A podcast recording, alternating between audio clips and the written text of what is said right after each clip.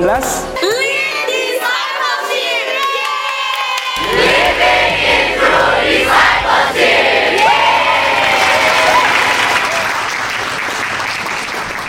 Tuhan Allah Bapa kami yang setia, pada pagi hari ini kami menaikkan ucapan syukur, pujian, sembah dan hormat kami kepada Engkau satu-satunya Allah, pemilik hidup kami dan juga pemilik alam semesta ini. Kami memuji Engkau untuk segala karyamu di dalam hidup kami dan juga di tengah-tengah dunia ini. Tuhan kami sungguh sangat bersyukur karena Engkau terus-menerus berkenan menjumpai kami umatmu yang berdosa ini. Kami bersyukur Tuhan karena Engkau tidak henti-hentinya mengasihi kami, mengejar kami ketika kami melarikan diri daripadamu. Kami mengucap syukur Tuhan karena Engkau adalah Allah yang panjang sabar dan berlimpah kasih setianya kepada tiap-tiap kami. Dan pada pagi hari ini Tuhan, Kiranya Engkau kembali berkenan menjumpai kami umatmu yang berdosa ini. Engkau kembali berkenan menyatakan dirimu. Engkau kembali berkenan membuat dirimu dikenal oleh tiap-tiap kami yang ada di tempat ini.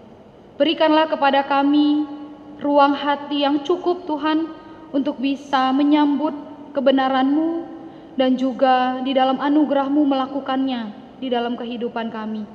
Tolong tiap-tiap kami yang ada di tempat ini, baik kami yang mendengar maupun hambamu yang menyampaikan, kiranya kami semua boleh mengalami pengalaman perjumpaan dengan Tuhan melalui ibadah ini. Ini doa kami di dalam nama Tuhan kami Yesus Kristus yang sudah mengasihi kami dan akan terus mengasihi kami.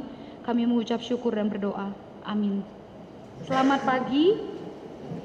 Teman-teman, saya bersyukur bisa ada di tengah-tengah uh, persekutuan ini. Kalau tidak salah ingat, retret kelompok kecil siswa terakhir tahun 2016 ya, tiga tahun yang lalu.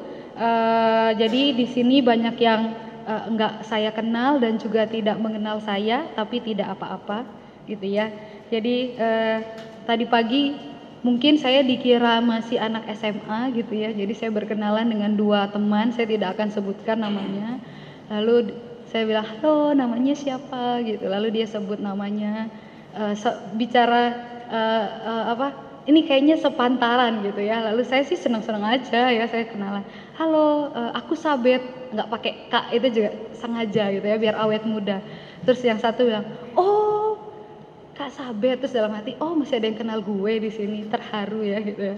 Nggak itu intermezzo ya teman-teman ya. Karena saya datang ke sini waktu pertama kali ini siapa ya? Ini siapa ya? Nggak kenal gitu ya. Saya hanya kenal beberapa orang aja. Ya saya uh, dulunya staf siswa uh, dulunya. Ya sekarang juga masih staf siswa uh, saya jadi anak kelompok kecil sejak tahun 2004 teman-teman belum selama Bang Niko. Uh, jadi uh, saya bersyukur pernah ada dan masih tetap ada dalam kelompok kecil. Sampai hari ini saya masih uh, ikut KTB, saya masih punya kakak KTB, saya masih punya teman KTB, teman kelompok kecil, saya masih punya anak kelompok kecil dan uh, rasanya uh, pelayanan yang paling uh, banyak membuat saya bertumbuh uh, atau wadah yang paling banyak membuat saya bertumbuh itu ternyata bukan jadi WL, jadi pengkhotbah atau jadi singer atau jadi yang lain-lain tetapi ternyata jadi bagian dari uh, anggota kelompok kecil gitu ya. Jadi kalau kamu uh, jadi bagian dari kelompok kecil hari ini maka jangan sia-siakan. Karena kalau lihat-lihat pokok doa yang kamu buat tuh banyak banget ya isi pokok doanya. Doain supaya kelompok kecilnya berjalan rutin gitu ya. Uh, itu so sad sih bacanya ya gitu ya. Ini intermezzo uh, serius tapi ya di depan sebelum masuk dalam bagian uh, firman Tuhan pada pagi hari ini. Jadi salam kenal dari saya nanti kita bisa ngobrol-ngobrol lebih lanjut kalau teman-teman mau ya. Uh, kalau enggak uh, ya nggak apa-apa juga. Oke okay, slide. Ya ini saya memberi uh, judul uh, perenungan pada pagi hari ini love like Jesus. Mari buka Alkitab kita Matius pasal 9 ayat 35 sampai 10 ayat 1. Matius 9 ayat 35 sampai 10 ayat 1. Demikianlah Yesus berkeliling ke semua kota dan desa. Ia mengajar dalam rumah-rumah ibadat dan memberitakan Injil kerajaan sorga serta melenyapkan segala penyakit dan kelemahan. Melihat orang banyak itu, tergeraklah hati Yesus oleh belas kasihan kepada mereka, karena mereka lelah dan terlantar seperti domba yang tidak bergembala. Maka katanya kepada murid-muridnya, "Tuayan memang banyak, tetapi pekerja sedikit. Karena itu mintalah kepada Tuhan yang empunya tuayan, supaya ia mengirimkan pekerja-pekerja untuk tuayan itu." Yesus memanggil kedua belas muridnya dan memberi kuasa kepada mereka untuk mengusir roh-roh jahat dan untuk melenyapkan segala penyakit dan segala kelemahan. Ya teman-teman, uh, manusia di dalam kehidupannya diciptakan dengan begitu banyak kebutuhan yang apabila tidak terpenuhi ternyata dapat menyebabkan kekurangan di sana sini. Salah satu teori dari uh, uh, ilmu psikologi yang saya coba uh, tampilkan next slide. Nah ini uh, ada beberapa kebutuhan manusia katanya ya. Kebutuhan fisik seperti makan, minum, rumah, istirahat begitu. Lalu ada kebutuhan akan perasaan aman, lalu lebih naik lagi ada kebutuhan akan belongingness dan love needs gitu ya. Jadi kalau ada orang yang e, tidak punya teman, lalu e, apa sampai uh, gede nggak punya pasangan merasa kesepian oh ternyata itu adalah sesuatu yang wajar secara manusiawi gitu ya maksudnya itu memang adalah kebutuhan manusia punya teman jadi kalau kamu anak remaja nggak punya teman terus kamu minder itu sebenarnya oh ternyata itu perasaan yang wajar gitu ya. Punya teman itu bisa membangkitkan rasa percaya diri ternyata begitu ya. Lalu ada yang namanya kebutuhan esteem gitu ya. Kita uh, butuh uh, nilai-nilai diri kita tuh dihidupkan. Kalau kita punya kemampuan, kita merasa mampu di dalam satu dua hal tertentu, uh, itu self esteemnya biasanya lebih baik daripada uh, orang lain gitu ya. Nah tapi ini uh, banyak lagi faktor yang lain yang menentukan. Saya nggak akan paparin karena kita nggak lagi mau belajar psikologi pada pagi hari ini. Lalu ada lagi uh, yang paling atas itu adalah self uh, actualization. Jadi ketika seseorang bisa mencapai uh, apa uh, pencapaian tertinggi dengan segala kemampuan yang dia punya, itu dia merasa oh ini uh, dirinya teraktualisasi. Gitu ya. Jadi uh, manusia tuh punya banyak sekali kebutuhan-kebutuhan. Ini hanya satu dari sekian banyak teori yang pernah ada di muka bumi ini yang kalau teman-teman belajar ilmu psikologi akan mempelajari banyak kebutuhan-kebutuhan lainnya. Dan kalau kita lihat uh, manusia berusaha memenuhi kebutuhan-kebutuhan itu. Tidak ada satu manusia pun yang tidak ber, pernah berusaha untuk memenuhi kebutuhan-kebutuhan ini. Contoh sederhananya saja ya, orang demi merasa dikasihi itu bisa uh, lakukan banyak hal ya karena uh, bahkan pengen dapet love di IG aja kan kamu uh, bisa lakukan banyak hal ya, edit sana sini, edit sana sini itu ya. Uh, saya ketemu dengan satu anak remaja, dia hilangin semua foto di IG-nya, lalu saya tanya, kenapa kok dihilangin gitu? Nanti kak mau disusun ulang. Saya pikir mau susun ulang tuh maksudnya apa ya gitu ya?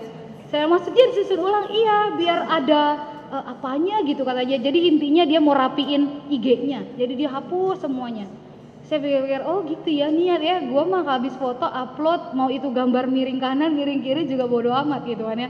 Mending lagi pengen upload upload. Nggak upload ya enggak gitu kan eh tapi ternyata ada loh orang-orang yang uh, apa mencari pemenuhan akan kebutuhannya dari hal-hal yang demikian. Itu baru satu contoh gitu ya. Saya saya pikir kamu uh, punya dalam kepalamu bayangan akan contoh-contoh yang lain. Mungkin gak usah jauh-jauh lihat pada diri sendiri aja rasanya eh, ada banyak begitu ya. Nah dan bukan hanya kita yang berusaha memenuhi kebutuhan diri kita tetapi ada kita berusaha juga untuk menolong orang lain mencukupkan kebutuhannya. Dan ada orang-orang lain juga yang mencoba menjadi jawaban atas kebutuhan dari sesamanya. Nah ada satu contoh next slide ada gerakan namanya Buddha Seci. Mereka melakukan banyak sekali kegiatan sosial menolong sesama tanpa memandang sara. Ada yang pernah tahu ini? Kalian nanti cari tahu di Google. Mereka lakukan banyak sekali eh, hal-hal baik bagi banyak orang. Waktu gempa di, saya lupa di Lombok apa di Palu, begitu ya. Menurut salah satu berita, eh, mereka adalah eh, komunitas yang tercepat datang untuk menolong korban gempa yang ada di Lombok dan uh, eh, FYI Lombok itu kan mayoritas Muslim, gitu ya. Jadi ini yang mereka lakukan, kumpulin uh, apa botol-botol bekas nanti akan dipakai untuk uh, entah untuk diapakan gitu ya. Lalu next ada lagi yang lain yang mereka lakukan. Nah ini mereka bantu gitu, lihat ya, yang yang uh, apa namanya yang bersikap hormat tunduk tuh justru adalah mereka yang memberikan bantuan kepada yang uh, dibantu. Menarik sekali apa yang mereka lakukan. Next. Nah, ini mereka lakukan gitu ya. Jadi mereka uh, mereka Buddha. Catat ya, mereka Buddha, mereka bukan orang Kristen. Nah, teman-teman, ternyata memiliki hati yang peduli terhadap orang lain itu adalah common grace atau anugerah umum. Tidak perlu menjadi orang percaya yang bertumbuh untuk bisa punya hati yang peduli terhadap orang lain. Ada orang-orang yang memang dari sananya mudah sekali untuk peduli atau berbelas kasihan kepada orang lain. Contohnya, anak yang sejak kecil diasuh oleh orang tua yang mengajarkan pentingnya berbuat baik, berbagi dengan sesamanya, tentu akan lebih mudah untuk peduli kepada orang lain. Ya, jadi kalau kamu dibesarkan oleh orang tua yang demikian, maka bersyukurlah kamu punya modalnya, gitu ya, untuk belajar peduli kepada orang lain. Ada orang yang lihat uh, orang di pinggir jalan uh, kesusahan minta-minta itu hatinya tuh langsung aduh gitu ya.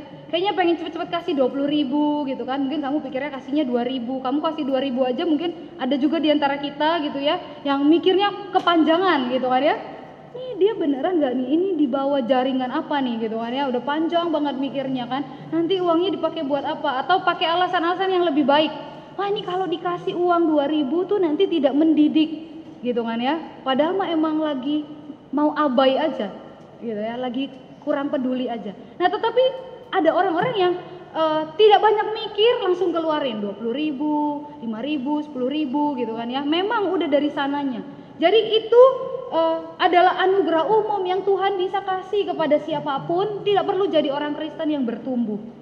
Nah lantas next slide. Apa bedanya kepedulian, belas kasih kita sebagai murid Kristus dengan mereka-mereka yang bukan murid Kristus? Kalau ternyata mereka-mereka yang mur bukan murid Kristus bisa melakukan jauh lebih baik daripada apa yang kita lakukan, untuk apa kita ada? Padahal banyak bagian Alkitab, bahkan yang sangat jelas di dalam Injil Matius e, memberitahukan kepada kita, bahkan memberikan identitas bagi kita sebagai murid untuk menjadi garam dan terang. Ternyata ada orang-orang yang bukan Kristen sanggup melakukan itu jauh lebih baik daripada kita. Lalu, apa bedanya? Nah, teman-teman, kita akan lihat dari apa yang Yesus e, lakukan dan kita akan belajar punya kasih seperti Yesus, gitu ya.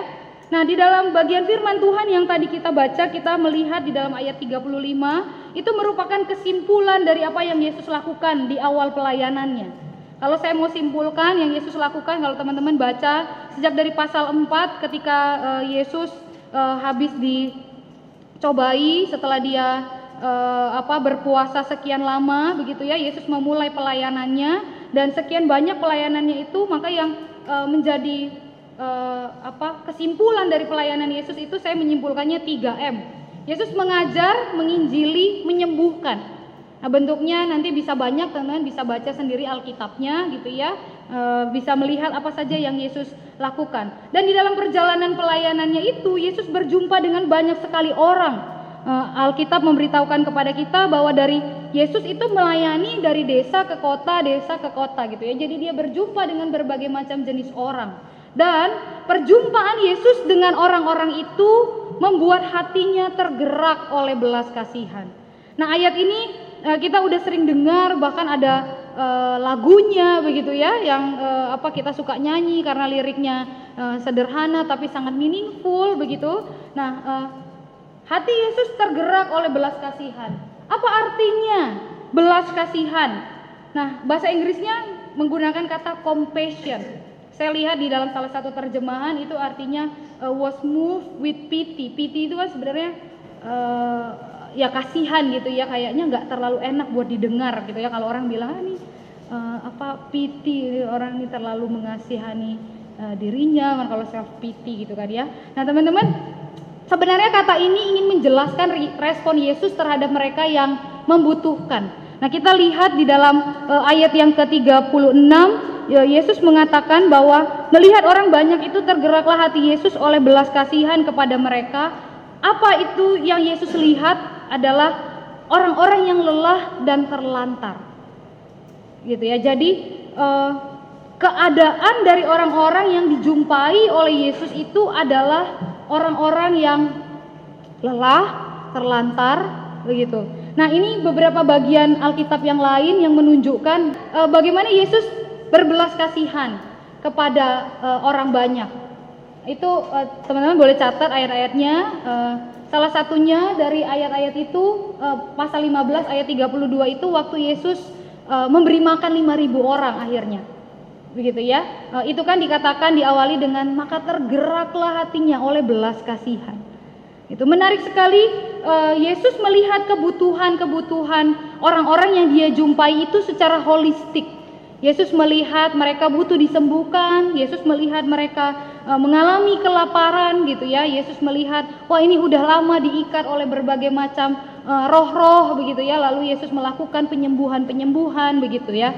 Nah, kalau kita lihat next slide Kata lelah dan terlantar itu ingin menjelaskan keadaan dari orang-orang itu yang mengalami kebingungan atau kelelahan. Mereka uh, confused gitu ya, bahasa Inggrisnya confused, lalu mereka exhausted gitu ya. Dan orang-orang yang kelelahan, orang-orang yang uh, kebingungan itu diumpamakan seperti domba yang tidak bergembala. Nah, teman-teman kalau kita melihat uh, apa uh, realita kebingungan, kelelahan, kebingungan seperti tidak tahu orang bingung tuh kan nggak nggak tahu ya mesti ngapain gitu ya. Uh, bahkan mungkin kiri kanan juga uh, bingung nih mau ambil jalan yang mana begitu. Sebenarnya uh, bukankah ini juga sampai hari ini masih menjadi realita dari dunia ini, begitu ya? Banyak orang hidup menjalani kehidupannya itu mengalami begitu banyak kebingungan. Ya teman-teman yang udah jadi anak kelompok kecil aja punya banyak kebingungan ya apalagi mereka di luar sana yang tidak pernah mengalami uh, apa yang teman-teman alami tidak pernah berjumpa dengan kasih Kristus itu banyak banget kebingungannya. Gitu ya saya lagi uh, praktek konseling ke salah satu SMP di Jakarta Barat begitu ya. Uh, setiap kali ketemu mereka tuh uh, ada aja uh, ceritanya gitu ya. Saya sampai pikir nih nggak habis-habis ya penderitaan di hidup lo ya gitu dalam hati saya ya gitu. Anak SMP loh. Anak SMP uh, masih unyu-unyu gitu ya. Kadang-kadang kalau saya panggil yang kelas 7 tuh kan baru lulus SD gitu ya. Uh, baru berubah warna celananya dari merah jadi biru gitu kan. Tapi ceritanya complicated banget. Saya kadang-kadang sampai pikir apa sih yang kamu rasain? gitu ya. Saya sampai tidak bisa menyelami apa yang dia rasakan dengan begitu banyaknya penderitaan, kesusahan yang dia alami. Dan nanti kadang-kadang ada yang cuma 30 menit isinya nangis doang gitu ya. Jadi saya juga bingung, kamu nangis terus saya mesti apa gitu ya. Saya akhirnya diam, diam, pupuk, pupuk, dia nangis lagi, begitu terus. 30 menit. Nanti habis itu saya tanya, kamu mau cerita? Enggak. Mau balik ke kelas? Enggak Mau tetap di sini? Iya bu, sebentar ya katanya. Malu kan balik ke kelas ya, matanya pasti bengep kan tuh ya udah nangis 30 menit. Tapi nggak mau cerita, nggak mau belajar, mau di sini sebentar doang. Abis itu ke mana ya dalam pikiran saya? Tahu nggak ceritanya apa? Nggak tahu. Saya nggak tahu dia kenapa nangis-nangis 30 menit. Nanti kalau minggu depannya saya panggil lagi, dia hanya akan bilang, kamu emang ngerasain apa sih minggu lalu kok nangis terus gitu 30 menit itu? Jawabannya nggak tahu. Tidak bisa mendeskripsikan apa sih sebenarnya gejolak yang dialami di dalam dirinya. Kebingungan, tapi juga dia lelah dengan kondisi itu. Jadi yang dia bisa lakukan adalah nangis aja, capek. Anak SMP dalam kepalanya Bu, saya lebih baik mati deh bu. Wah itu seru banget loh. Seru banget dengarnya ya. Saya, oh mati ya gitu ya. Itu realita, realita dunia. Saya nggak tahu kamu di sini kan masih ada yang uh, eh, SMA belum terlalu lama beranjak dari SMP begitu ya.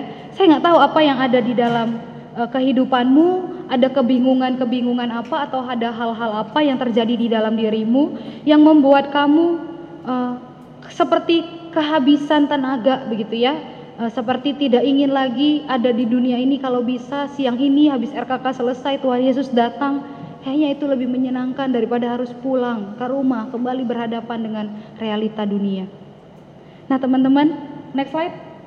Domba-domba yang tidak bergembala itu memang domba itu kan kalau kita kenal kan sebagai binatang yang bodoh gitu ya, penglihatannya juga tidak bagus begitu ya. Jadi kalau tidak ada yang menggembalakan, maka mereka uh, tidak jelas jalannya ke mana, mereka akan tercerai berai, mereka akan menjadi makanan dari binatang binatang hutan lainnya, mereka akan tersesat mereka bukan binatang yang bisa hidup dengan e, kakinya sendiri, pergi ke sana sendiri, lakukan sini cukupin makanannya sendiri, bukan. Mereka itu binatang yang bodoh. Gitu ya. Jadi tidak bergembala maka binasa. Domba yang tidak bergembala binasa. Cepat atau lambat akan binasa.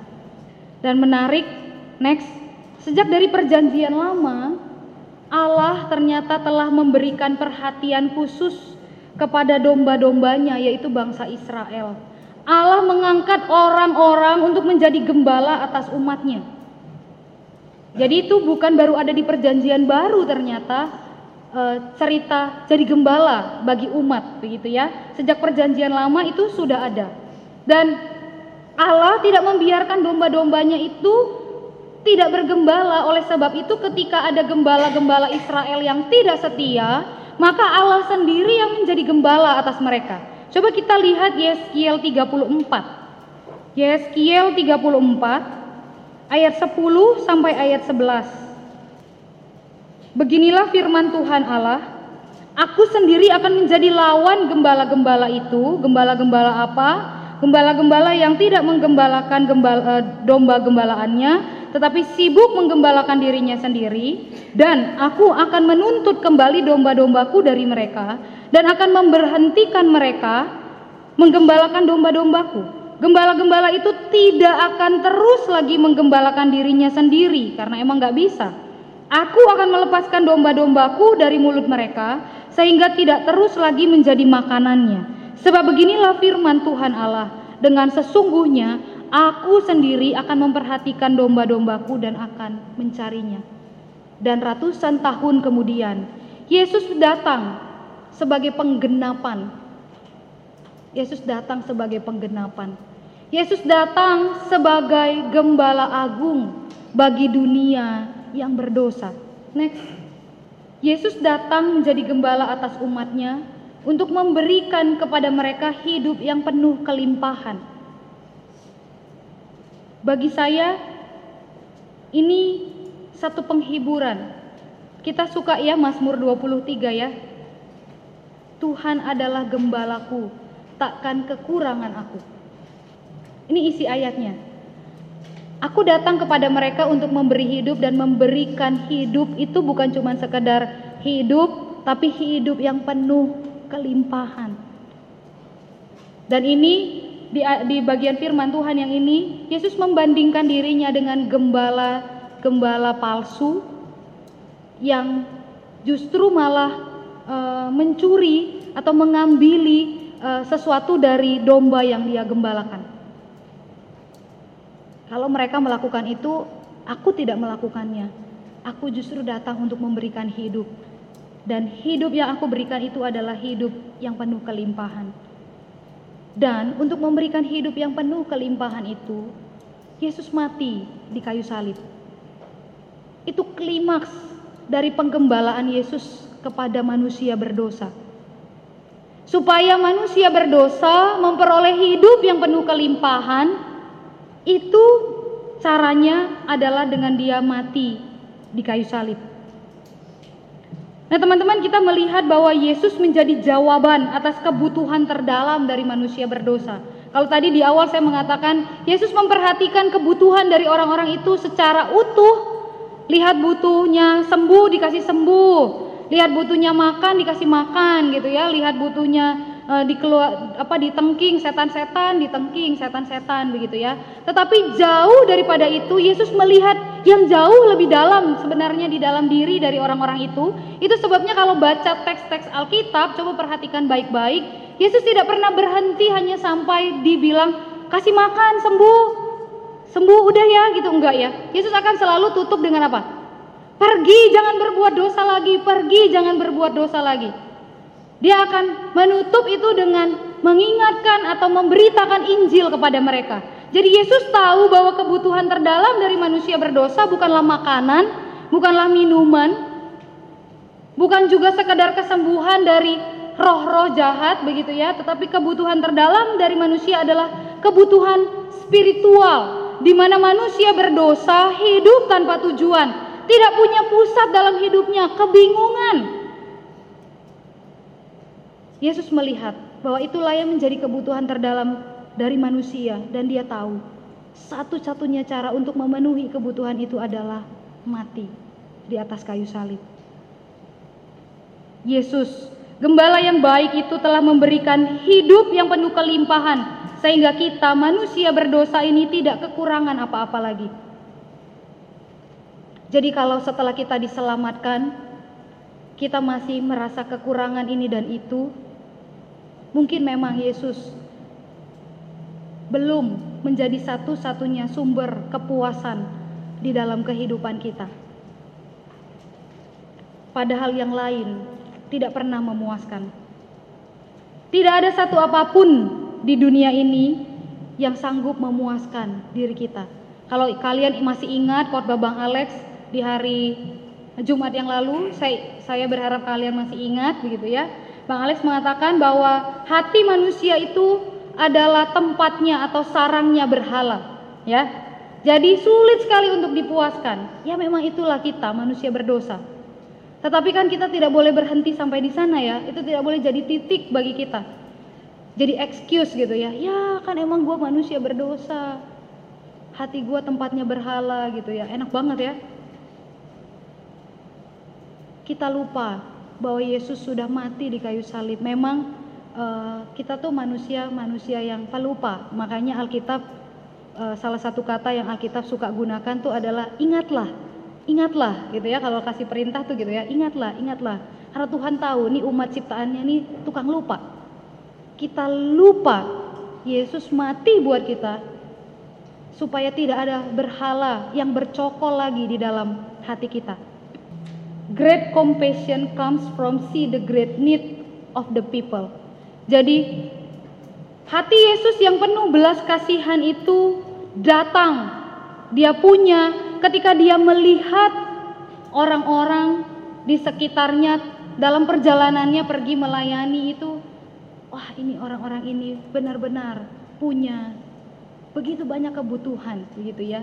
Dan the great need of the people itu equal with the need of workers. Nah, ini dia ya. Teman-teman, uh,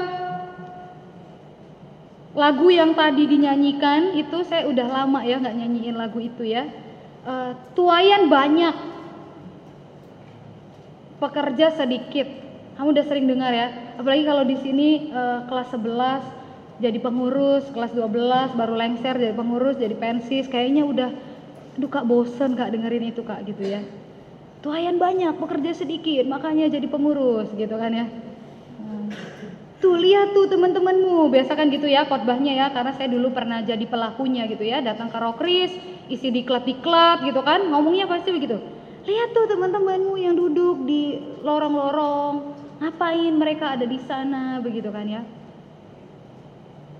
Adakah kamu mendatangi mereka kan begitu kan ya, khotbah-khotbahnya kira-kira isinya uh, seperti itulah begitu ya. Nah teman-teman kita lihat ya bahwa sebenarnya yang pertama-tama melihat dunia ini punya banyak kebutuhan tuh bukan kita.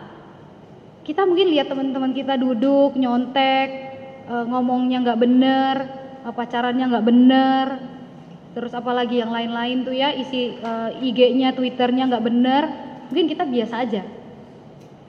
Tapi ribuan tahun yang lalu, Yesuslah yang sebenarnya pertama-tama menyadari bahwa dunia ini butuh terus digembalakan Sepanjang dia belum datang kembali untuk menjadi hakim atas dunia ini, maka pekerjaan untuk terus melanjutkan misinya di tengah-tengah dunia ini itu harus terus dikerjakan. Nah, menyadari akan hal itu, itu sebabnya Yesus mengajak murid-muridnya untuk berdoa. Di dalam ayat yang ke-37 kan dikatakan, tuayan banyak tapi pekerja sedikit karena itu minta. Minta itu ajakan untuk ini loh datang kepada Bapak doain nih loh supaya ada orang kerjain. Lihat tuh tuayan yang banyak lalu ada yang mengerjakannya. Yesus mengajak muridnya untuk berdoa agar Bapa sang pemilik tuayan mengirimkan pekerja-pekerja untuk tuayan itu. Dan menarik sekali bahwa tidak hanya berdoa, tetapi Yesus melibatkan murid-murid itu menjadi jawaban atas doa mereka untuk meneruskan misinya di tengah-tengah dunia. Itu sebabnya di dalam ayat yang ke-10, eh di dalam pasal yang ke-10 ayat yang pertama, Yesus memanggil kedua belas murid itu dan memberi mereka kuasa. Lalu di dalam ayat kelima eh, pasal yang ke-10 itu, Yesus mengutus mereka berdua belas. Jadi Yesus panggil, Yesus memberi mereka kuasa, Yesus mengutus mereka untuk melakukan Yesus, melakukan misi Yesus, mengajar, memberitakan Injil, menyembuhkan. Jadi sebenarnya murid-murid itu tidak diminta untuk melakukan sesuatu yang baru. Mereka hanya diminta melakukan, meneruskan apa yang Yesus sudah lakukan, yang mereka udah lihat sebenarnya. Jadi kalau jadi PKK kan disuruhnya belajar dari Yesus gitu ya. Jadi jangan langsung suruh-suruh AKK-nya pelayanan kalau belum kasih contoh gitu kan ya. Itu PKK. Nah, jadi AKK belajarnya dari PKK. Sulit ya jadi PKK ya. Kalau nggak ada yang akak kamu bisa pelajari dari kamu, waduh gitu ya. Gimana ini kehidupan perkelompok kecilan gitu kan ya. Yesus minta murid-murid melakukan tiga hal ini. Dan teman-teman, ini dia faktanya. Next, ternyata murid-murid bukan orang yang punya belas kasihan kepada orang lain Percaya? Muridnya Tuhan Yesus loh. Nggak punya belas kasihan kepada orang lain. Mari kita buktikan. Bukan cuma nggak punya belas kasihan. Mereka yang Tuhan Yesus libatkan dalam misinya itu adalah orang-orang berdosa yang tidak sempurna, yang Yesus tahu sebentar lagi akan menyangkal dia, akan mengkhianati dia. Tetapi menariknya, Yesus tetap melibatkan mereka. Kita lihat Matius 15. Ini salah satu fakta bahwa murid-murid tidak punya belas kasihan. Matius 15 ayat 32 sampai 33. Lalu Yesus memanggil murid-muridnya dan berkata, "Hatiku tergerak oleh belas kasihan kepada orang banyak itu." Jelas ya, Yesus udah bilang sejak awal, nih loh hatiku tuh udah tergerak oleh belas kasihan. Mereka udah tiga hari ikutin kita, mereka enggak makan.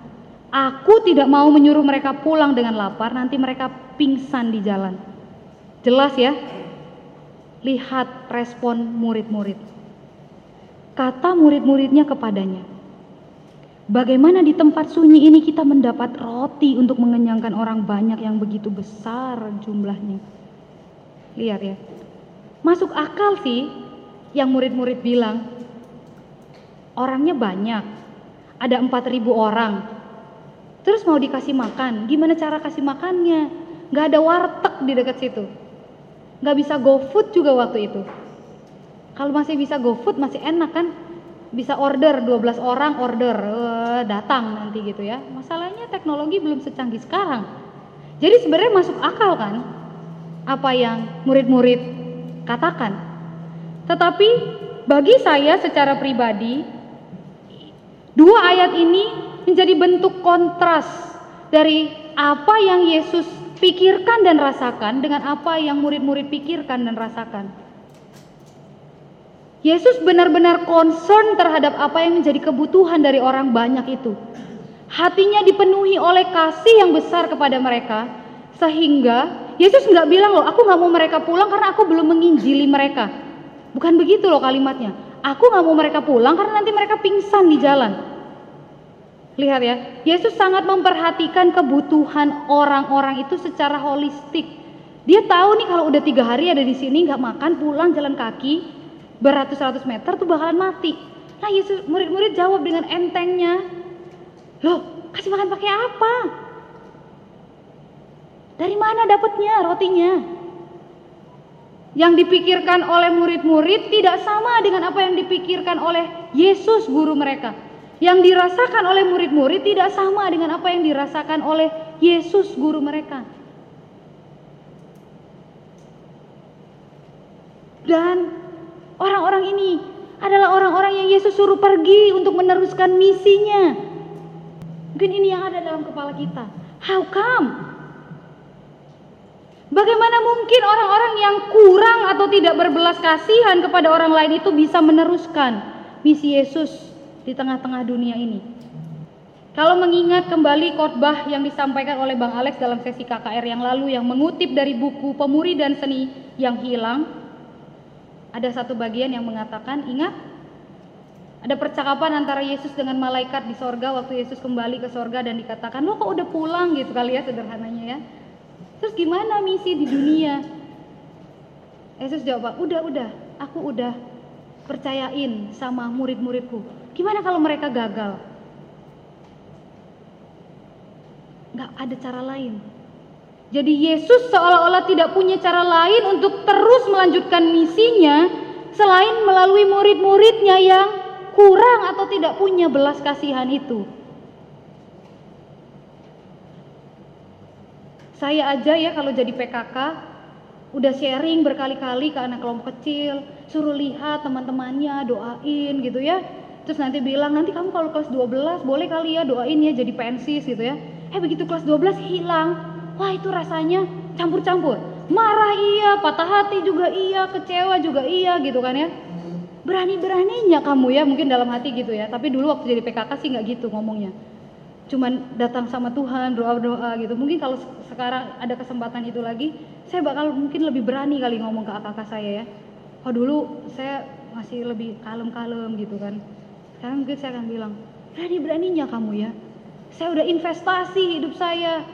Satu tahun lebih sama kamu. Traktir ini traktir itu gitu kan ya. Doain kamu. Emang kamu pikir enak apa doain kamu gitu kan? Bisa kan PKK ngomong gitu kan ya? Dengerin ceritamu gitu. Emang kamu pikir cuman kamu doang yang mau didengerin ceritanya? Aku juga gitu kan.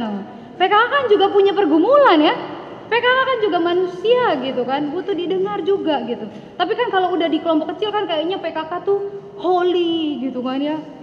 Kalau duduk agak setengah ngambang mungkin gitu kan. Kayak seolah-olah tidak ada kesusahan nih dalam hidup PKK ku. Apalagi kalau PKK-nya sanguin gitu kan. Oh itu jagonya untuk uh, hai hai gitu kan. Ya. jago banget. Adik-adiknya bisa nggak tahu kalau dia lagi uh, menderita merana skripsi nggak kelar-kelar misalnya gitu kan. Nggak cerita ke kakaknya. Kakaknya aduh bang remedial gitu kan. Dalam hati gue juga deh gitu kan. Saya nggak cerita gitu. Nah kalau saya aja jadi PKK yang baru satu tahun ngalamin ketemu AKK yang begitu bisa ngalamin kecewa, patah hati, marah gitu kan ya. Terus mulai dalam kepala mulai pikir, tuh terus gimana nih kelanjutan pelayanan di sekolah ini gitu kan ya. Biasanya kan TPS atau staf siswa kan mikirnya kan begitu kan ya. Gimana nih nanti gak ada pensis dari sekolah ini, gimana nih gak ada ini, gak ada itu, gak ada seterusnya panjang lebar. Tapi Yesus berani sekali ya. Bagi saya Yesus berani sekali meresikokan pelayanan yang sangat penting dan sangat berharga ini kepada orang-orang yang segitu rapuhnya, yang kurang atau tidak berbelas kasihan dan yang disuruh adalah mengasihi mereka. Gimana tuh caranya tuh?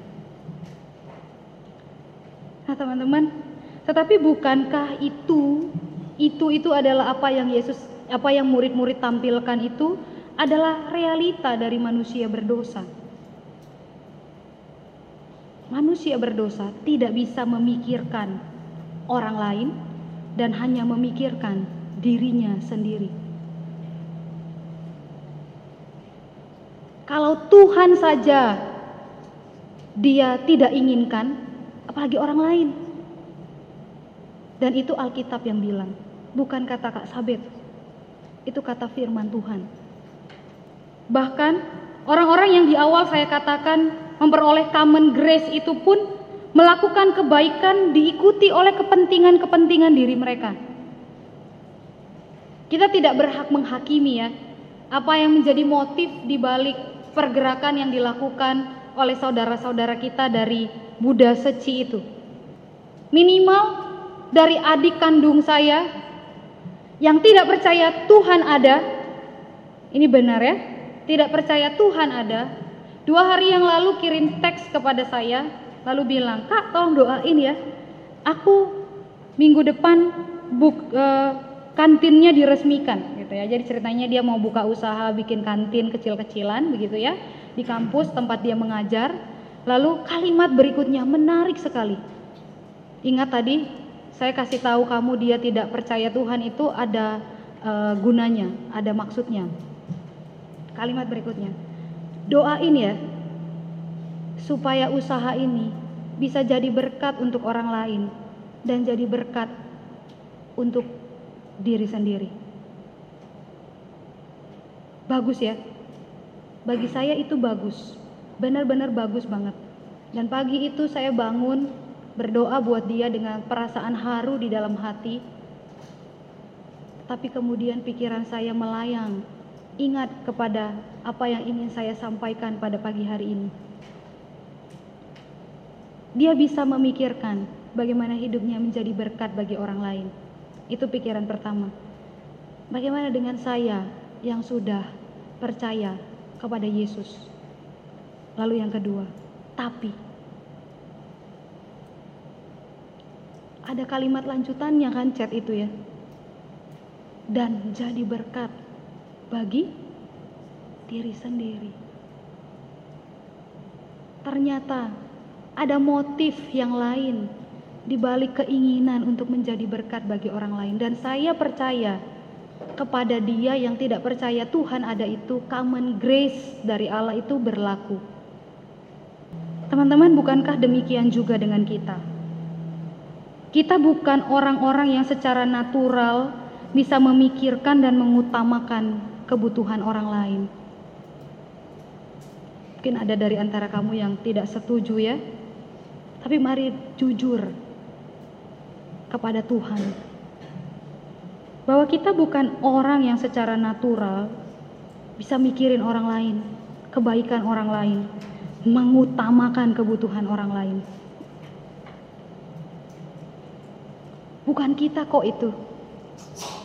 Jadi kalau ada PKK yang bisa mati-matian, perjuangin anak kelompok kecilnya.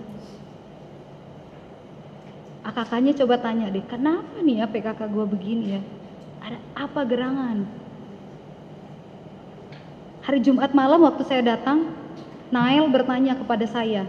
Saya nggak expect dapat pertanyaan itu ya, dan saya belum jawab gitu ya. Saya bilang, eh besok aja kita ngobrolnya. Dia tanya, Hai kak, setelah bla bla bla gitu, uh, apa semacam pertanyaannya dia gitu. Kak, apa sih dulu yang bikin lo cinta gitu terus datang ke JB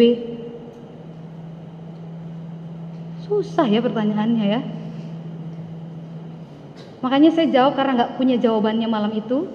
Cepet-cepet kan di belakang kalian lagi wah teriak-teriak main itu tuh apa tuh yang games malam-malam itu. Ah, terus tiba-tiba dia nanyanya begitu. Saya sininya nggak tahu dia ingat atau enggak. Saya besok ya kita ngobrol ya. Saya gitu. Kita belum ngobrol ya Nail ya. Saya masih utang sama Nail. Teman-teman, kalau buat PKK Mungkin tuh bisa jadi pertanyaan yang sama ya. Kenapa sih kamu mau jadi PKK sih? Karena kamu peduli sama akak kamu. Karena kamu tidak mau mereka binasa.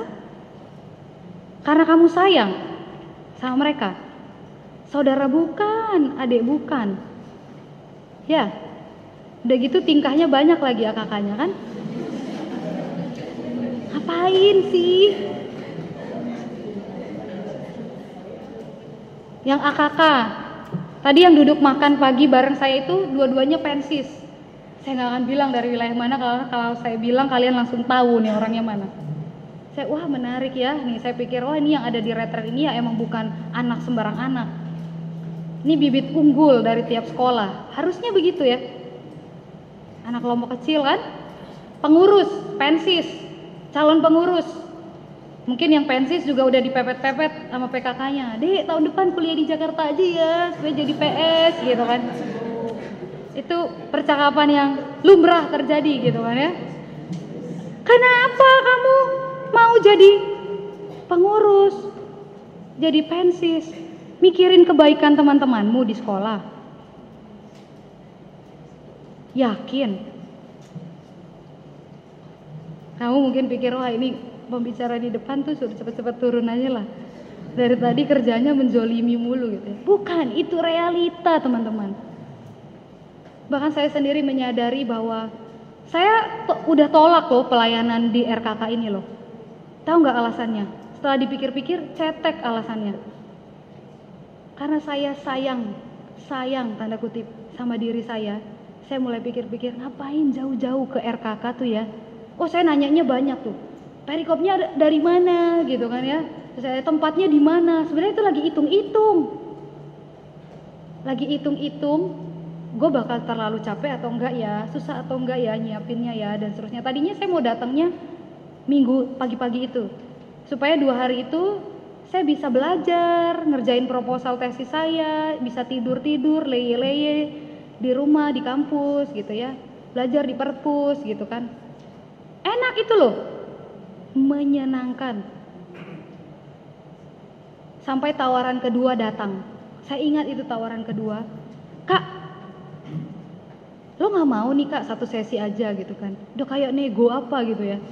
Tapi waktu itu entah bagaimana sebenarnya beberapa hari sebelum itu saya baru keinget RKK. Terus saya pikir, iya ya kenapa waktu itu gue tolak ya gitu. Eh tahu chatnya datang. Nah saya ingat balasan saya benar-benar saya ingat. Saya balas gini, apakah ini yang namanya kesempatan kedua? Dan saya terima akhirnya. Dan datangnya bukan dari minggu pagi. Saya udah di sini kan bareng dari, dengan kalian dari hari Jumat. Gitu ya. Gak ada yang saya kerjain itu yang tadinya saya mau kerjain itu. Baca, lele, kerjain proposal tesis, halo gitu kan dan itu nggak apa-apa juga. Tapi coba lihat tadi, respon pertamanya apa? Bukan mikirin kalian. Enggak tuh dalam per pertama kali dalam pikiran saya tuh bukan, waduh ini kesempatan supaya adik-adik kelompok kecil di PSKJ dan seterusnya dan seterusnya yang baik-baik. Enggak. Itu natur sebagai manusia berdosa saya, oh ternyata begitu mikirin kebaikan diri itu jauh lebih mudah dilakukan daripada memikirkan kebaikan orang lain. Di retret ini berulang kali kita dengar firman Tuhan memerintahkan kita untuk mengasihi sesama, memperhatikan orang lain. Ada harga yang harus dibayar dalam mengikuti Yesus dan seterusnya dan seterusnya. Jangan-jangan pulang dari retret ini kita justru frustasi karena banyak kali kita justru malah gagal melakukan setiap sesi yang sudah kita dengarkan. Nah, itu sebabnya teman-teman, next kita butuh special grace untuk bisa punya hati seperti hati Yesus, untuk bisa mengasihi seperti Yesus mengasihi, kita butuh yang namanya special grace. atau kita kenalnya anugerah. Kita lebih familiar itu ya. Kepada orang yang tidak mengenal Allah, tidak percaya kepada Yesus, ada banyak orang yang bisa lakukan lebih baik mengasihi orang lain ketimbang kita mengasihi orang lain. Itu common grace. Tetapi kepada mereka yang percaya kepada Yesus, yang tanda kutip rela memikirkan orang lain, mengupayakan kebaikan bagi orang lain, memiliki hati yang berbelas kasihan kepada orang lain sekalipun untuk itu semua dia harus menyangkali banyak hal di dalam dirinya itu anugerah. Itu anugerah. Jadi tidak ada satu orang pun di tempat ini yang harusnya bisa bilang itu karena aku. Memang karena aku militan. Memang karena aku rajin berdoa untuk kakakku, makanya dia datang empat-empatnya di RKK ini, misalnya gitu ya. Percaya nggak percaya pulang pulang RKK tahun 2016, benar. Tiga dari lima adik kelompok kecil saya berhenti kelompok kecil. Ini realita ya guys ya, jadi PKK ya please kalau pulang dari RKK ini Akak kamu berhenti dari kelompok kecil, jangan sedih gitu ya, jangan sedih. Tiga dari lima, kelas 12. Tahu di RKK itu apa yang terjadi itu so sweet banget kami. Benar-benar so sweet banget. Dan itu hanya berjalan beberapa minggu, tidak terlalu lama. Setelah pulang itu anak kelompok kecil harus berhadapan dengan jadwal les. Izin orang tua yang tidak mengizinkan mereka untuk kelompok kecil karena udah kelas 12 Bahkan saya udah sampai ngomong sama orang tuanya, tante, saya janji deh tante, begini, begini, begini, begitu, gitu ya. Enggak ya kak. Mau bilang apa kamu? Bukan kamu sebagai PKK yang membiayai hidup akak kamu kan? Kalau kamu bilang kamu tinggal sama saya aja, supaya bisa terus kelompok kecil gitu kan? Gak usah dengerin mamamu, wah kan gak mungkin juga ya. Ada duit dari mana gitu kan? Tiga dari lima, sisa dua dan tidak terlalu lama kemudian sisa satu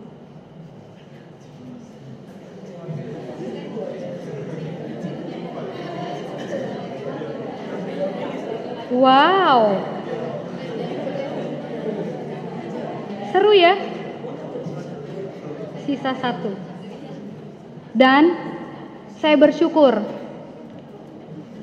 baru dalam beberapa bulan terakhir ini saya mengerti bahwa memang yang satu itulah yang Tuhan kasih untuk saya gembalakan.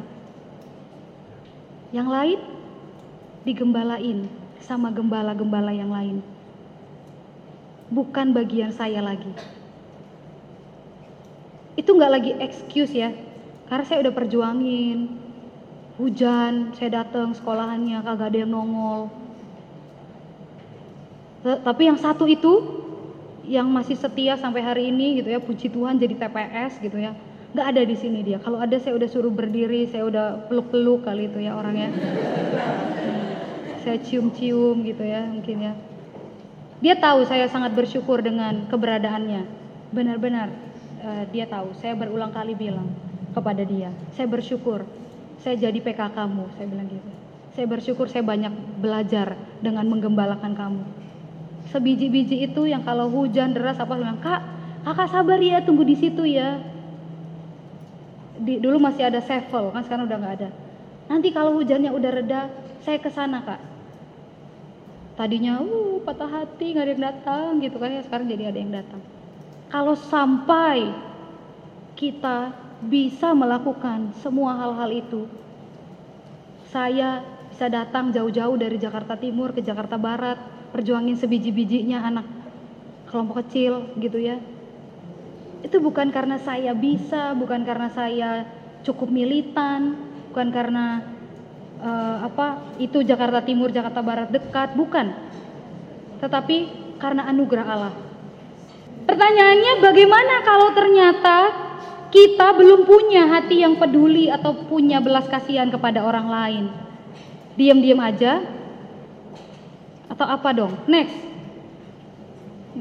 Love is a gift from God, often given when we act before we feel. Jadi kalau belum punya, jangan rasa-rasa. Karena sering kali perasaan kita itu tidak benar. Tetap lakukan kebaikan, tetap layani sesamamu, tetap belajar mengasihi mereka, sambil terus berdoa agar Allah memperluas ruang di hatimu untuk bisa mengasihi sesamamu. Aku nggak jadi pensis deh kak, karena belum terbeban. Datang dari mana bebannya? Kalau berhenti melayani, kak aku nggak jadi PS dulu deh kak. Padahal lagi bilang apa? Aku mau cuti pelayanan dulu kak, capek kalau mau fair, jujur, jawab sebenarnya jawabannya begitu, jangan-jangan. Lengser jadi pengurus Rokris kelas 11 naik 12 ditawari sama PKK-nya.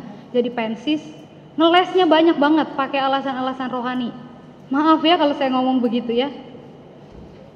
Kak, nanti deh kak, habis kelas 12 aku janji deh kak. Aku kuliah di UI, kuliah di PNJ, kuliah di Atma, kuliah di mana-mana gitu ya. Aku jadi PS. Satu tahun ini aku fokus belajar dulu kak supaya aku bisa kuliah di sana. Hai, jenis apa itu? Saya nggak tahu itu jenis apa. Terus alasannya apa? Aduh kak, kayaknya tuh setelah kelas 11 tuh terkuras deh kak. Perasaanku ini terkuras, jadi kayaknya aku tuh sekarang lagi nggak ngerasa apa-apa, lagi flat aja perasaannya. Masa sih kak aku pelayanan tapi aku tidak mengasihi? Oh aduh keren banget kan ya tuh ya. Masa sih kak aku pelayanan nggak mengasihi? Jadi TPS ya gitu ya. Tapi aku kok nggak rasa ada Eh, kupu-kupu uh, terbang ya di perut gitu kan ya kayak orang lagi jatuh cinta kepada siswa lalu ingin menyerahkan diri melayani siswa gitu ya jangan tunggu itu tapi lakukan saja dulu lakukan saja dulu layani saja dulu mereka terus saja melakukan kebaikan bagi mereka sambil nah ini ya terus berdoa supaya ruang hatimu yang kecil bagi orang lain itu diperluas oleh Tuhan. Karena emang kan kita gak bisa kan mengasihi orang lain kan. Belajar mengasihi orang lain adalah proses dan perjuangan seumur hidup teman-teman. Jadi jangan berhenti melayani, jangan berhenti peduli kepada orang lain, jangan berhenti berbuat kebaikan kepada sesama walaupun kamu sedang tidak menginginkannya atau tidak berasa bisa mengasihi. Karena perintahnya adalah kasihilah Tuhan Allahmu dan kasihilah sesamamu manusia seperti dirimu sendiri. Tidak ada embel-embel. Kasihilah Tuhan Allahmu kalau kamu lagi kasihilah sesamamu manusia kalau kamu lagi pengen mengasihi, kalau kamu lagi nilainya bagus, kalau kamu lagi IP-nya tinggi, kalau kamu di rumah lagi dimengerti, kalau kamu duitnya lagi cukup, jadi kalau itu semua tidak terjadi maka aku boleh tidak mengasihi sesamaku. Tidak. Perintahnya kasihilah Tuhan Allahmu dengan segenap hatimu, dengan segenap akal budimu, dengan segenap kekuatanmu dan kasihilah sesamamu manusia seperti dirimu sendiri. Titik. Teman-teman, Yesus mengutus kita sebagai muridnya ke tengah-tengah dunia ini supaya kita melayani sesama kita meneruskan kasihnya yang sudah kita nikmati. Karena itu teruslah melayani sambil terus meminta Allah menganugerahkan hati yang penuh dengan belas kasihan kepada kita. Supaya kita bisa punya mata seperti matanya Yesus, punya tangan seperti tangannya, punya kaki seperti kakinya. Yang pada akhirnya hati kita ketika kita melayani sesama kita ternyata hati kita lama-lama makin besar, makin besar, makin besar untuk mengasihi sesama kita. Kita akan menutup khotbah ini dengan menyanyikan satu lagu Berikanku Hati.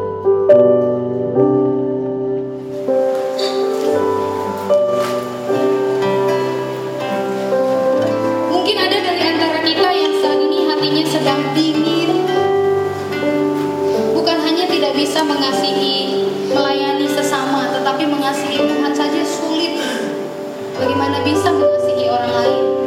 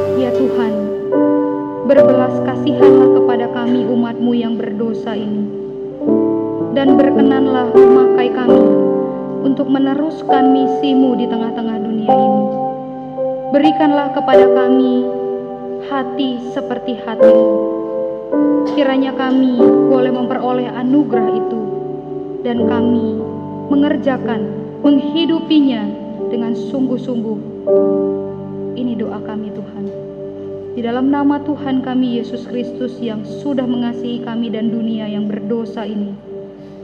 Kami bersyukur, kami berdoa. Amin. Terima kasih teman-teman. RKK Siswa 2019.